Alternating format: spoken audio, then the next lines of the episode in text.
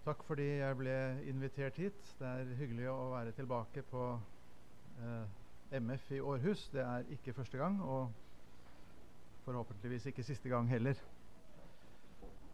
I begynnelsen var mange evangelier. Ja, eh, er det noen spesiell grunn til at eh, man i dag, nå, eh, har grunn til å stille et sånt spørsmål? Eh, jeg tror det er all grunn til å gå ut fra at pga. bøker som bl.a.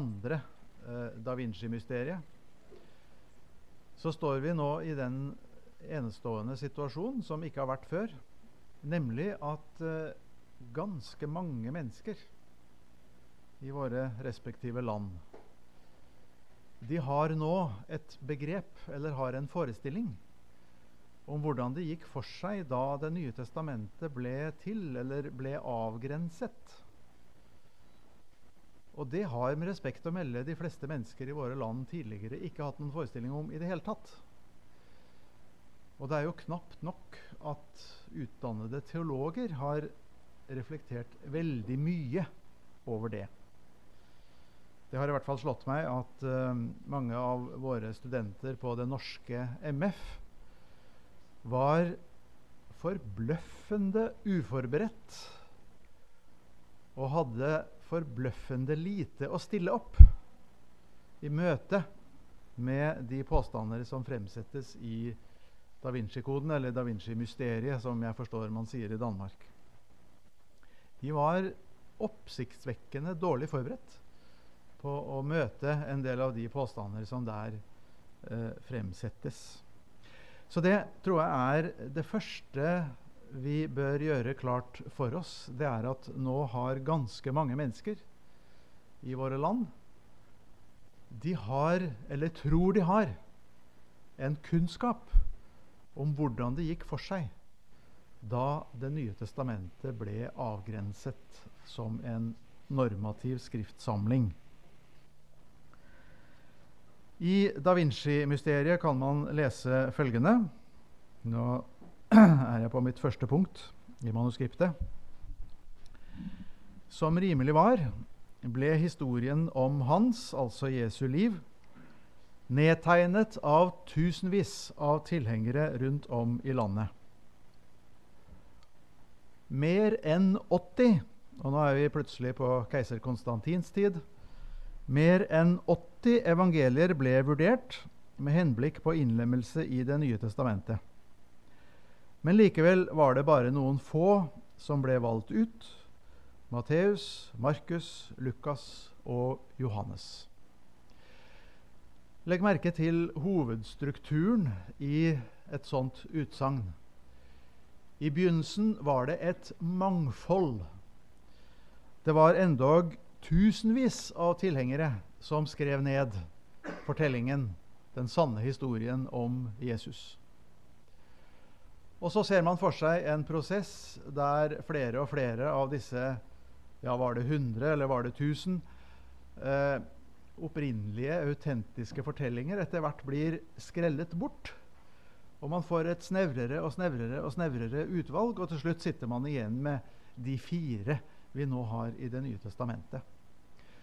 Det er altså en slags uh, 'survival of the fittest' uh, fra en enorm mengde som disse fire ble plukket ut fra. Så det bildet er, er veldig tydelig. Og i dette, eller under dette bildet ligger det hele tiden en dels ikke uttalt, men dels også direkte uttalt insinuasjon, som går på at de andre skriftene de ble utelukket, gjemt bort, forsøkt tilintetgjort, fordi disse kildene utenom Det nye testamentet inneholdt en mer autentisk versjon, en mer sann fortelling enn de vi har i Det nye testamentet. Og den institusjonen som hadde interesse av å utelukke disse, det var Kirken. Så i selve modellen, måten å tenke på, har du bygget inn en viss konspiratorisk forståelse av selve kanondannelsen som prosess. Den er resultat av en form for sensur eller utelukkelse der Kirken har undertrykket en alternativ sannhet som var utålelig for Kirken, som truet Kirken i dens grunnvoller. Selve Nytestamentet som samling er blitt til gjennom en konspiratorisk prosess, gjennom en slags form for sensur, eh, der den opprinnelige sannhet har vært undertrykket. I langt mer seriøs sammenheng Og da er det over på denne boken. Eh, det er kanskje noe kuriøst at eh, et eh, nylig utgitt, gjenfunnet apokryft evangelium, nemlig Judasevangeliet, som ble gitt ut rett før påske i år, og som altså kom etter at min bok var utgitt. Det er oppsiktsvekkende at en sånn uh, tekst utgis av uh, National Geographic Society. Uh, men det har um, delvis økonomiske årsaker.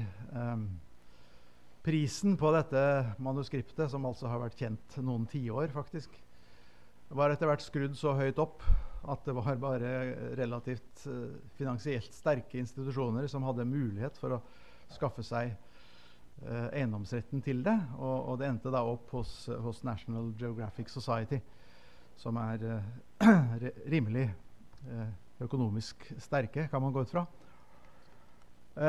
og de har naturligvis har en voldsom interesse av å tjene igjen disse pengene. Eh, og hvordan gjør man det? Jo, ved å presentere funnet som sensasjonelt, sånn at alle må kjøpe boken. Eh, og det har de da fått eh, noen i og for seg seriøse forskere med seg på. Og en av dem er Bart Ehrman, som da sier om dette evangeliet The Gospel of Judas is one of the greatest historical discoveries of the 20th century.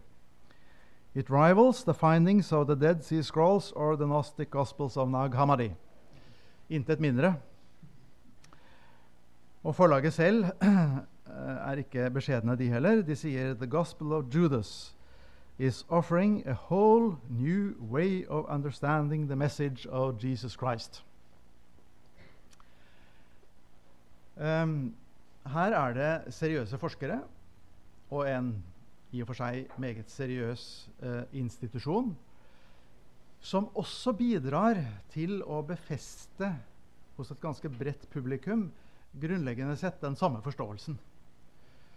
Eh, det er noe her som Kirken har gjemt bort, undertrykket, ikke villet skulle komme for dagen, men heldigvis har det nå allikevel kommet for dagen. Og da er det sensasjonelt. Og det gir oss en helt ny forståelse forskjellig fra den vi hittil har levd med, basert på Det nye testamentet. For det tredje så har vi en ganske innflytelsesrik skoleretning innenfor amerikansk nytestamentlig forskning med Helmut Køster.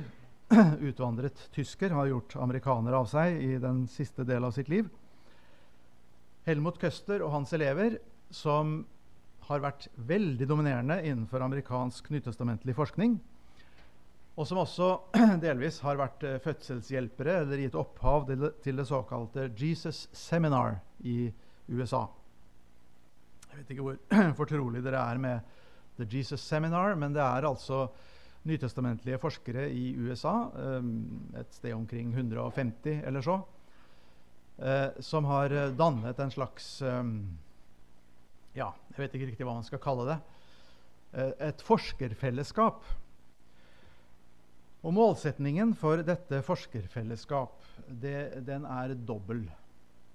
Det ene er når vi forsker på Jesus, er det ingen grunn til å regne kanongrensen, til å regne de nytestamentlige evangeliene, som grunnleggende sett annerledes eller bedre historiske kilder enn noen av de evangelieskrifter vi finner utenfor kanon.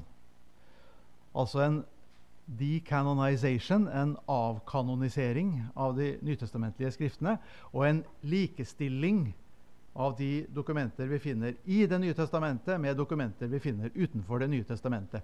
Ingen grunn, sier denne skolen i utgangspunktet, til å gi nytestamentlige tekster noen forkjørsrett eller noen høyere rang som historiske kilder enn de vi finner utenfor kanon, utenfor Det nye testamentet. Og prosjektet, prosjektets andre målsetning det er da å finne fram til hva er autentiske Jesus-ord? Og hva er autentiske fortellinger om det Jesus gjorde?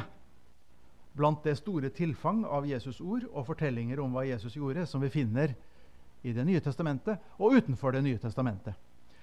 La oss gå igjennom hele materialet, og la oss prøve å gjøre oss opp en begrunnet mening om hvilke ord av Jesus er autentiske, hvilke har han faktisk sagt?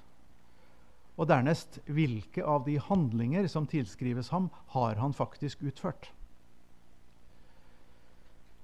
Første ledd i dette prosjektet kom ut for noen år siden og heter The Five Gospels. The Five Gospels. Det viste seg nemlig, når det kom til stykket, at det eneste evangelieskrift utenfor Det nye testamentet som viste seg å være interessant i det hele tatt i et sånt prosjekt, det var i Thomas-evangeliet. Alle de andre fant man å måtte utelukke. Ingen, ingen av de apokryfe evangeliene, ingen av evangelieskriftene utenfor Det nye testamentet viste seg å ha noen som helst interesse som kilde til hva Jesus hadde sagt eller gjort. Ingen andre enn Thomas-evangeliet.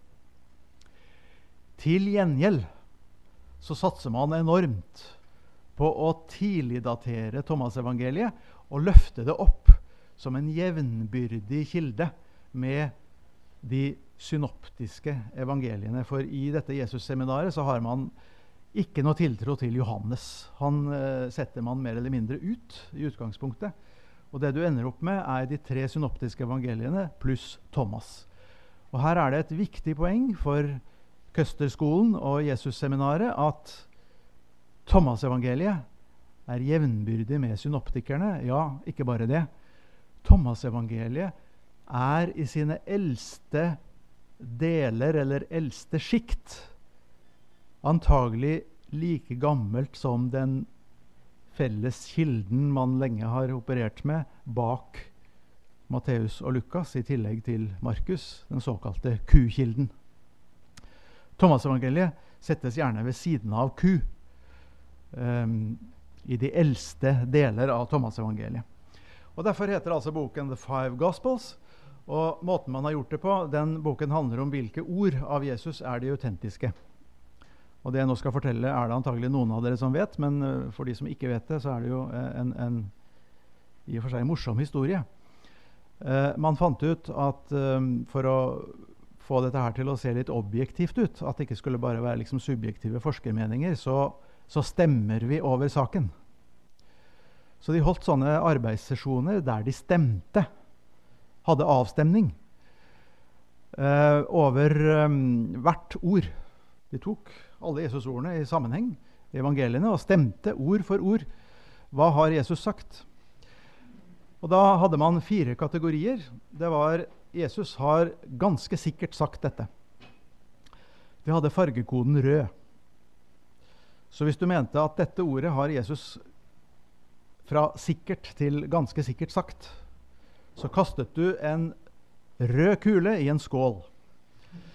Hvis du derimot mente at dette har Jesus antagelig sagt Det er mer sannsynlig at han har sagt det, enn at han ikke har sagt det. Men det er ikke så sikkert som rød. Da kastet du en kule som var rosa i skålen. Pink. Hvis du derimot mente at dette har Jesus antagelig ikke sagt, så kastet du en grå kule i skålen. Og mente du dette har Jesus helt sikkert ikke sagt, så kastet du en sort kule i skålen. Og så har man da tatt, arbeidet seg gjennom um, alle evangelier, inklusive Thomas-evangeliet, på denne måten. Og så har man trykket evangeliene i amerikansk oversettelse med disse fargekodene. Så det er en ganske fargerik eh, bok. Um, og der kan du da på, på fargekoden lese eh, hva Jesus virkelig helt sikkert har sagt. Det er rødt. Det minner jo litt om sånne gamle bibler med, med gode bibelord i rødt. Um, Uh, og så, så, kan du da lese hele teksten i sammenheng med disse fargekodene. Og Da åpner man denne bok ikke sant, med en viss spenning når det gjelder Thomas-evangeliet. Hvor mye har blitt rødt her? i Thomas-evangeliet? Etter all den en forskningsmessige energi man har lagt for dagen i å tidligdatere Thomas. Er det noen som vil gjette hvor mange ord av Jesus som er røde i The Five Gospels? Nei, det er ikke så godt å si, naturligvis. Svaret er to og et halvt. To og et halvt logion av Jesus er kodet rødt i The Five Gospels. Og de har da det til felles, disse to og et halvt, at uh, de er meget godt bevitnet i de synoptiske evangelier. Alle to og et halvt ordene. Um, og når det kommer til stykket, så er faktisk det kriteriet for at de får rødt også i Thomas-evangeliet. Det er at de er så godt bevitnet hos synoptikerne. Så når det gjelder ord Jesus sikkert har sagt, så bidrar Thomas-evangeliet med 0,0 eh, når det gjelder å øke bestanden av ekte Jesusord. De inneholder ikke et eneste, i tillegg til de synoptiske ordene, som Jesus sikkert har sagt. En av uh, deltakerne i dette Jesus-seminaret har senere skrevet en bok om Thomas evangeliet og innrømmer at uh, this was somehow disappointing.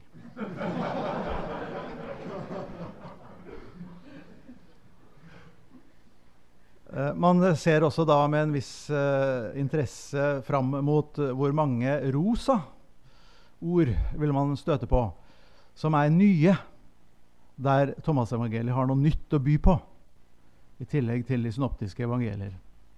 Er det noen som vil gjette hvor mange ord, nye Jesusord, som er rosa? Og Der er svaret to.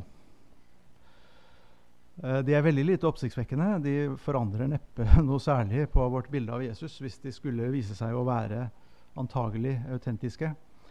Men det hører med til historien at i første avstemningsrunde så nådde de ikke opp til rosa, de heller. Og det var det tydelig at noen i seminaret syntes dette var for gæli. Um, det, det, må da være noe dette evangeliet har å bidra med. Så man arrangerte to nye avstemninger, og på tredje avstemning så klarte de å Så nådde de opp.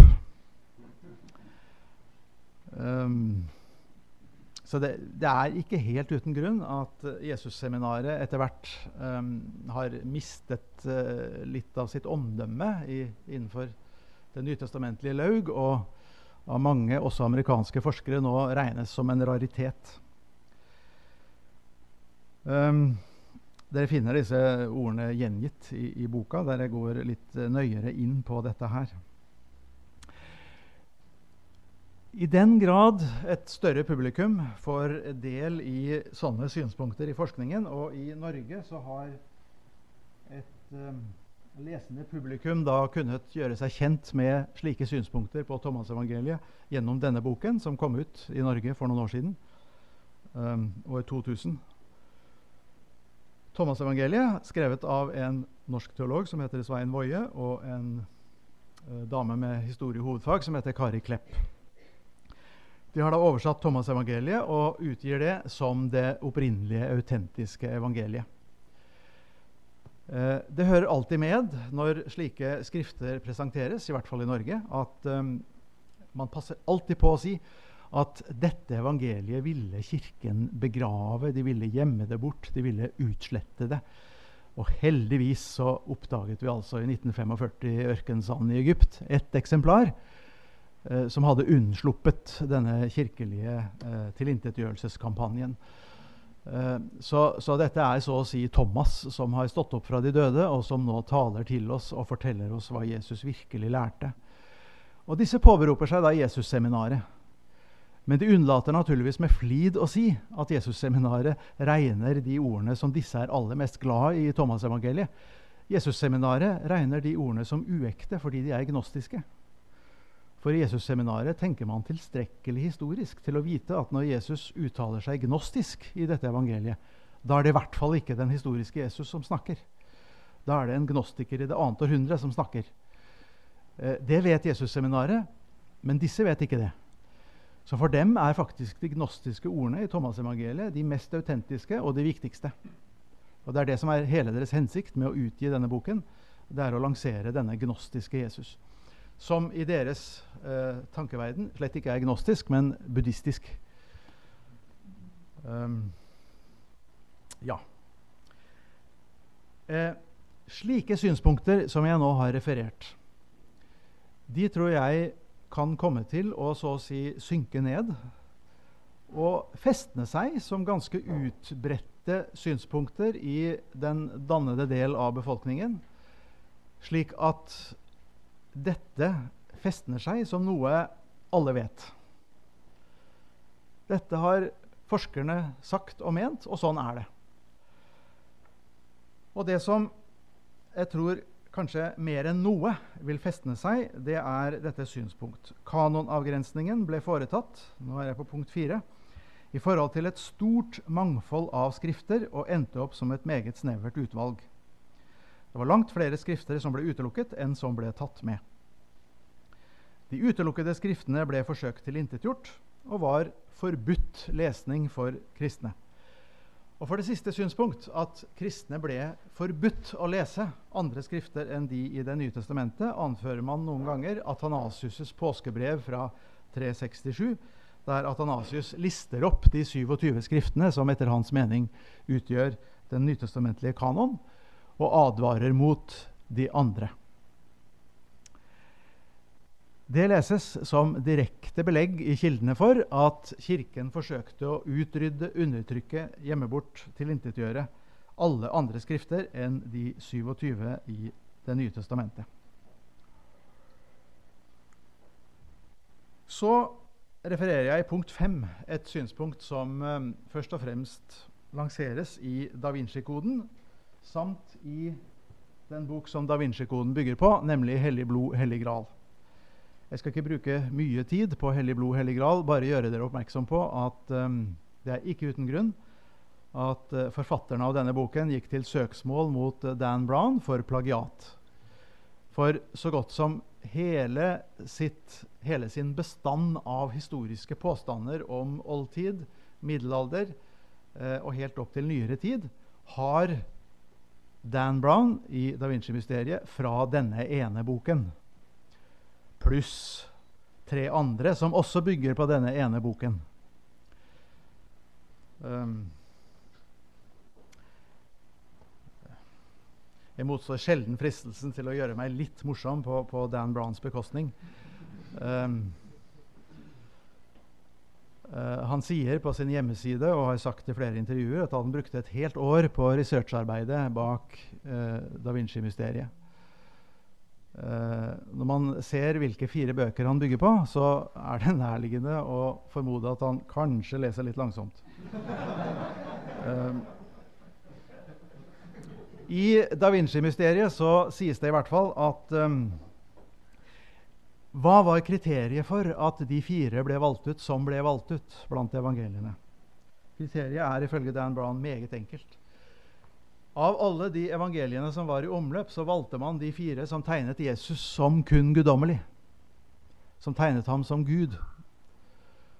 Og Det var ikke tilfeldig da at det var under kirkemøtet i Nikea at dette fant sted. For det var det samme kirkemøtet som vedtok at han var guddommelig. Og I Da Vinci-koden får du inntrykk av at uh, før kirkemøtet i Nikea så var det ingen som hadde den ideen. Det var noe de kom på da, under ledelse av keiser Konstantin. Så, så kanonavgrensning og kirkemøtets dogme om Kristus det er samtidige fenomener, og de forutsetter hverandre gjensidig. Konstantin sørget altså for at alle andre skrifter ble brent, naturligvis. Kanskje jeg skulle flette inn med én gang en bemerkning til dette om det store antall skrifter som angivelig ble brent i Oldkirken. Det er en fullstendig anakronistisk forestilling. Spesielt naturligvis for hele den førkonstantinske tid. Altså Hvordan skulle Kirken, som var en forfulgt minoritet, ha noen som helst kontroll med hvilke bøker som fantes? Eh, det er jo helt håpløst å tenke seg noe sånt. Men dessuten, og det er et poeng som den samme Bart Ehrman på glimrende måte får frem i denne boken, som jeg vil anbefale som kanskje den beste av de bøkene som er gitt ut i USA i kjølvannet av Da Vinci-koden.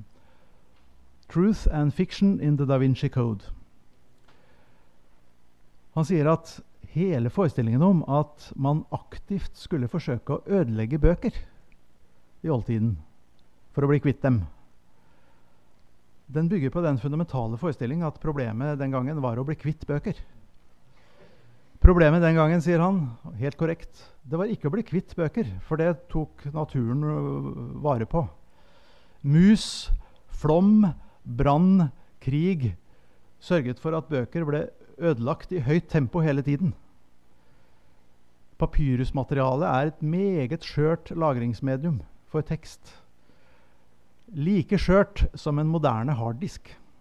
Hvor lenge varer den? Ekspertene sier at etter 25 år så har du all grunn til å begynne å bli engstelig. For at uh, du ikke lenger kan lese. At harddisken er blitt uleselig. Uh, og med antikke papyruser var det en lignende omløpstid, for å si det sånn. Så problemet var jo å ta vare på bøker. Hvis du ikke innen 25 år har, spilt, har, har laget en kopi, så går teksten tapt. Det går helt av seg selv. Og de hadde akkurat samme problem med tekster på papyrus. Hvis du ikke tidsnok kopierte dem, så gikk de tapt. Av helt naturlige årsaker.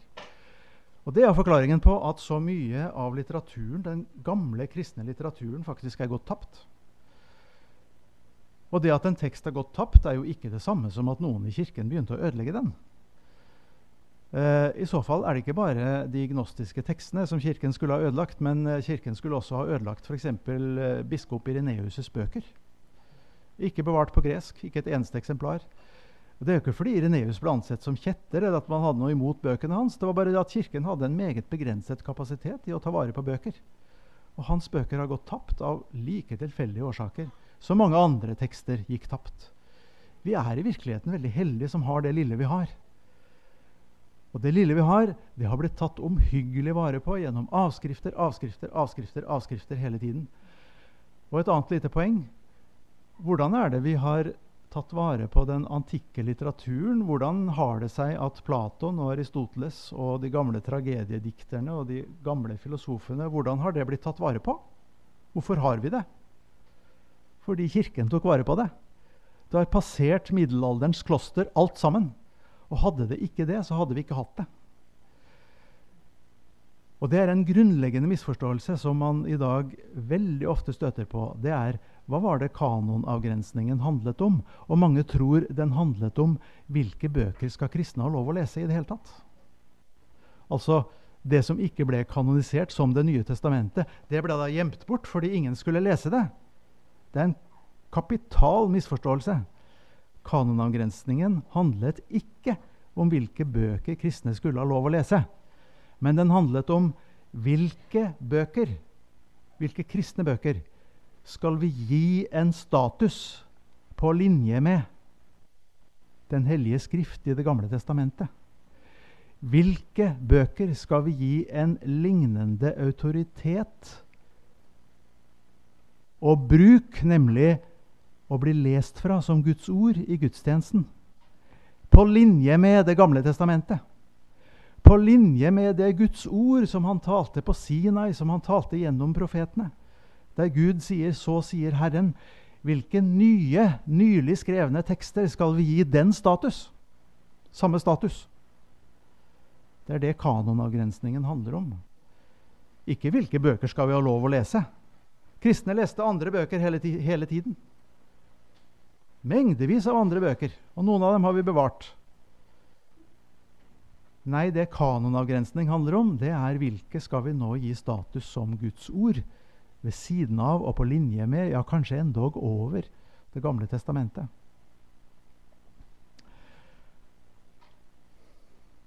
Det var det det handlet om. Uh, så har vi et sjette punkt her uh, som jeg nevner uh, sånn mer en passant. Da Vinci-koden hevder med styrke at de kanoniske evangeliene er meget mannssjåvinistiske. Flere av de apokryfe derimot langt mer kvinnevennlige. Og her har, dette er et punkt som en del forskere har hoppet på og gir Dan Browns støtte på. Eh, I de gnostiske tekstene, i Nag Hammadi-tekstene fra 1945, som ble funnet i 1945, eh, mener man at man finner langt mindre mannssjåvinisme enn det man finner innenfor kanon. Og Spesielt er det da Philips-evangeliet og Maria Magdalenas evangelium og en del andre tekster som oppfattes som mye mer kvinnevennlige. Altså Her får Maria Magdalena en mye høyere status enn hun hadde i kirken. For i kirken, sier Dan Brown, der var Maria, Magdalena en meget problematisk kvinne. Av en innlysende grunn. Hun var jo Jesu kone ifølge Dan Brown. Hun fødte hans barn. Og dette var for Kirken så et så problematisk faktum at Kirken investerte enormt mye i å tåkelegge og skjule dette faktum. Og Derfor heter det Kirken forbød hennes navns nevnelse, Maria Magdalena. Hun skulle ikke nevnes engang. Og hvordan Dan Brown kan få det til å stemme, det går over min forstand. Uh, hennes navn ble i hvert fall uh, nevnt uh, på meget prominent plass i kirkens tekstlesning. man kan jo ikke lese noen av oppstandelsesberetningene uten å høre hennes navn, så, så, hvordan det skulle gå for seg, det er vanskelig å forstå. det er dessuten loddrett feil.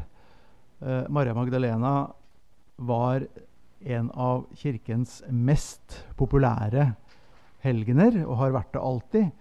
Og når det kommer opp i middelalderen, så konkurrerer hun med Jesu mor eh, når det gjelder betydning, når det gjelder antall kirker som er oppkalt etter henne, når det gjelder legendedannelse omkring henne. Og den legendedannelsen omkring henne den kjenner jo Dan Brown egentlig godt, fordi det er den han bruker som kilde for at hun i sin tid kom til Marseille i Frankrike. Det har han fra kirkelige kilder. Og hvordan han da samtidig kan hevde at Kirken forbød hennes navns nevnelse, det, det er sant å si vanskelig å forstå. Um, jeg kommer kanskje tilbake til det poenget om litt. Ja vel. Jeg tror jeg nå har tegnet et slags landskap som vi antagelig kommer til å leve med en stund. Mange mennesker vil mene at det jeg nå har skildret her, er noe som de vet, og som de vet med god grunn. Dette er det moderne forskning sier om dette. Så kommer jeg da over på punkt B her. Har noe av dette virkelig historisk grunnlag? Det første poenget mitt i punkt 7 har jeg allerede nevnt. Kanonavgrensning handlet ikke om hvilke skrifter man skulle kunne lese. Kanonavgrensning handlet om noe helt annet. Hvilke skrifter skal leses som Guds ord på linje med Det gamle testamentet? um, å være kilde for kristen teologi på linje med Guds ord i Det gamle testamentet, og hvilke skal brukes gudstjenestelig og leses fra i den kristne gudstjeneste. Mange og det er viktig å, å, å, å merke seg, mange av de apokryfe evangeliene var hele tiden populære og ble mye lest. De ble ikke innlemmet i kanon. De fikk ikke denne spesielle status. Men det forhindret ikke at de var populære og ble mye lest. Med Kirkens godkjennelse. Det var ingen i Kirken som hadde imot at disse ble lest. Men man hadde imot dersom noen ville si de er Guds ord, på linje med det vi har i Det gamle testamentet. Der er man ganske strikt i hvilke skrifter det er. Eh, Jakobs protevangelium, Jakobs eh, fortelling fra, skrevet ned omkring 150 etter Kristus, eller noe sånt, om Jesu barndom, og ikke bare Jesu barndom, men også hans mors barndom og hennes foreldre. Det er derfor vi vet at uh, Marias foreldre het Joakim og Anna. Det er fra Jakobs proteevangelium. Den har helt opp til moderne tid vært et mye lest uh, og populært skrift, særlig i den østlige kirke og gjenspeiles i kirkekunsten. Og har gjort det hele tiden. Eh, det har ikke vært noe skal vi si, kirkelig sensur av det skriftet på annen måte enn at Kirken har vært veldig klar på det er ikke kanonisk. Og min fornemmelse er vel at uh, sannsynligvis har Skriftet helt fra begynnelsen uh, vært oppfattet som et skrift uh, på lignende måte som en moderne leser ville oppfatte f.eks. Selma Lagerløfs Kristuslegender. Altså, det har vært en slags stilltiende kontrakt mellom forfatter og leser at dette er ikke historiefortelling i vanlig forstand, men det er oppbyggelige fortellinger om hvordan det gikk for seg da Jesus ble født. Og alt rundt det. Det er oppbyggelige fortellinger. Sånn kan det ha vært. Men det er ikke, pretenderer ikke å være eh, historiefortelling av samme type som det vi har i de kanoniske evangeliene. Og Slik har også andre apokryfe evangelier vært populær lesning, men de har ikke vært anerkjent som historiske eller som troverdige på samme måte som de kanoniske. For evangelienes vedkommende, punkt 8, var kanonavgrensningen til fire og ikke tre eller fem antagelig et faktum allerede for Justin Martyr rundt midten av det annet århundre. Dette har jeg nå ganske nylig eh, gått litt nærmere inn på i forbindelse med at jeg ble invitert til å holde et foredrag om Justin Martyr og hans bibel. Og etter å ha sett på det en gang til, så har jeg blitt mer overbevist enn jeg var før om at Justin Martyr antagelig kjenner våre fire evangelier. Og verken flere eller færre. Um, hovedargumentet for å hevde det er et sted der han sier at um, Ja, han kaller evangeliene evangelium eller evangeliet eller evangelier, flertall, et sted. Han kaller dem det tre steder. Men noe sånt som 15 steder så kaller han dem med et annet navn. Han kaller dem apostlenes memoarer. Apostlenes memoarer i seg selv en ganske interessant tittel, fordi det antagelig henspiller på Xenofons memoarer om uh, Sokrates. Det er akkurat samme ord. Apomnemonevmata. Eh, erindringer eller, eller memoarer. Og han sier at disse er enten skrevet av apostler i flertall eller apostlenes etterfølgere også i flertall. Og Jeg er enig med Martin Hengel og flere andre som sier at han må altså ha kjent minst to evangelier som hadde en apostel som angitt forfatter, og han må ha kjent minst to evangelier som hadde en apostel-medarbeider som angitt forfatter. Og det er nøyaktig hva du finner hos Ireneus bare 30 år seinere. Eh, vi har to apostoliske evangelier, og så har vi to evangelier av apostelmedarbeidere. Og da behøver ikke jeg fortelle denne forsamling eh, hvem vi snakker om. Vi snakker om Matteus og Johannes som de to apostoliske forfattere, og vi snakker om Markus og Lukas som de to apostelmedarbeidere. Og I Oldkirken var det jo da en vanlig oppfatning at Lukas var Paulus' medarbeider, Markus var Peters medarbeider. Og et sted så kaller um, Justin Markusevangeliet for Peters memoarer. Uh, som antagelig er et signal om at uh, han allerede kjente forestillingen om at Markus nedtegnet det Peter fortalte. Altså det vi har hos, hos Papias i denne berømte notisen om, eh, om Markusevangeliet.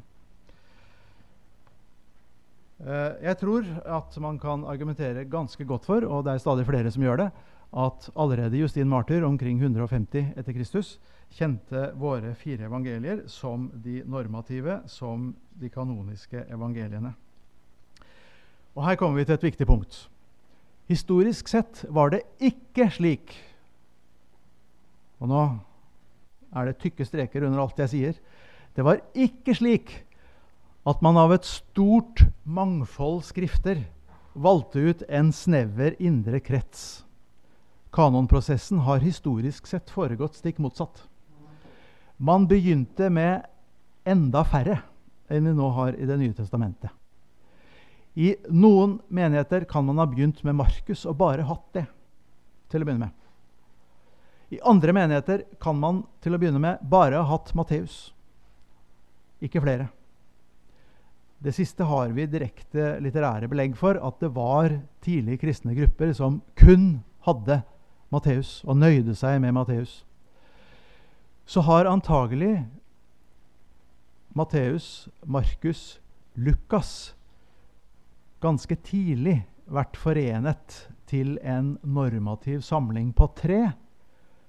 Og så når vi på en måte det kanoniske maksimum når Johannes som det fjerde legges til samlingen, og du får en samling på fire. Ikke noe sted i Kirken virker det som noen har foreslått å føye til et femte. Kanskje fordi da Johannes ble lagt til, kanskje fordi det da simpelthen ikke var flere. Eh, det er veldig sannsynlig at det da ikke var flere da Johannes ble lagt til. For eh, tenker vi oss at denne fireevangeliekanoen var en realitet ved midten av det annet århundre, så er midten av det annet århundre det er så å si startpunktet for produksjonen av de senere apokryfe evangeliene. Jeg for min del betviler meget sterkt at ett eneste av de apokryfe evangeliene var skrevet før ca. 150 etter Kristus. Jeg, ikke, jeg, kan ikke si det med 100 sikkerhet, men, men um, jeg tror man kan argumentere rimelig godt for at da var det i hvert fall ikke mange av dem. Og kanskje var det null. De aller, aller fleste apokryfe evangelier er skrevet etter 150, og noen av dem ganske betydelig mye senere. Altså, utviklingen går ikke fra et mangfold til et snevert utvalg. Utviklingen begynner med de få, meget få, kanskje i begynnelsen ett. Og så utvides denne samlingen etter hvert og når sitt maksimum på fire. Og fra da så ligger det veldig fast. Og da dette utvalg skjedde, så var det antagelig ikke andre man hadde å velge på. Det var disse som forelå, disse og ingen andre. Um,